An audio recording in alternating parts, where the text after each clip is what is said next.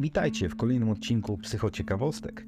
Jestem Dawid Karol Kołodzi, psycholog i psychoterapeuta, który dziś poruszy temat bezrobocia. Bezrobocie jest problemem, które dotyka zarówno jednostki, jak i społeczeństwa jako całość.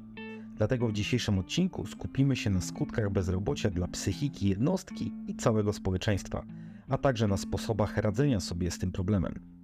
Bezrobocie może prowadzić do utraty stabilności finansowej, co z kolei może wpłynąć na poczucie własnej wartości i wywołać stres i depresję.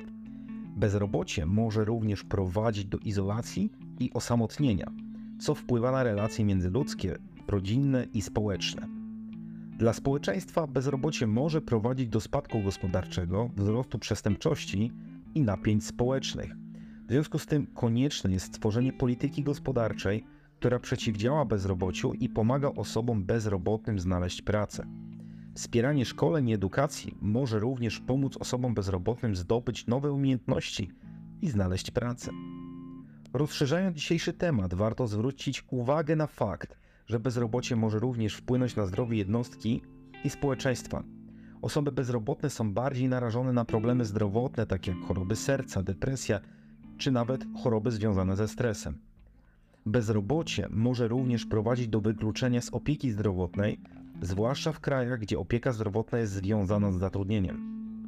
Warto również zauważyć, że bezrobocie prowadzić może do niskiej samooceny, braku poczucia sensu życia. Praca może być dla wielu ludzi źródłem satysfakcji, poczucia uznania oraz rozwoju osobistego.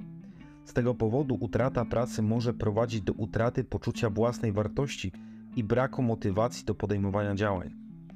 Wspieranie osób bezrobotnych w znalezieniu pracy jest nie tylko korzystne dla jednostki, ale również dla społeczeństwa jako całości. Osoby zatrudnione są bardziej zadowolone z życia, mają poczucie stabilizacji finansowej, a także pozytywnie wpływają na rozwój gospodarczy kraju. W związku z powyższym konieczne jest zastosowanie działań zarówno na poziomie jednostki, jak i społeczeństwa oraz rządu. Jednostki powinny szukać pomocy u specjalistów takich jak psychologowie czy psychoterapeuci, którzy pomagają w radzeniu sobie z trudnościami emocjonalnymi wynikającymi z bezrobocia. Społeczeństwo i rząd powinni działać na rzecz tworzenia nowych miejsc pracy, wspierania edukacji oraz szkoleń, a także zapewniania dostępu do opieki zdrowotnej dla osób bezrobotnych.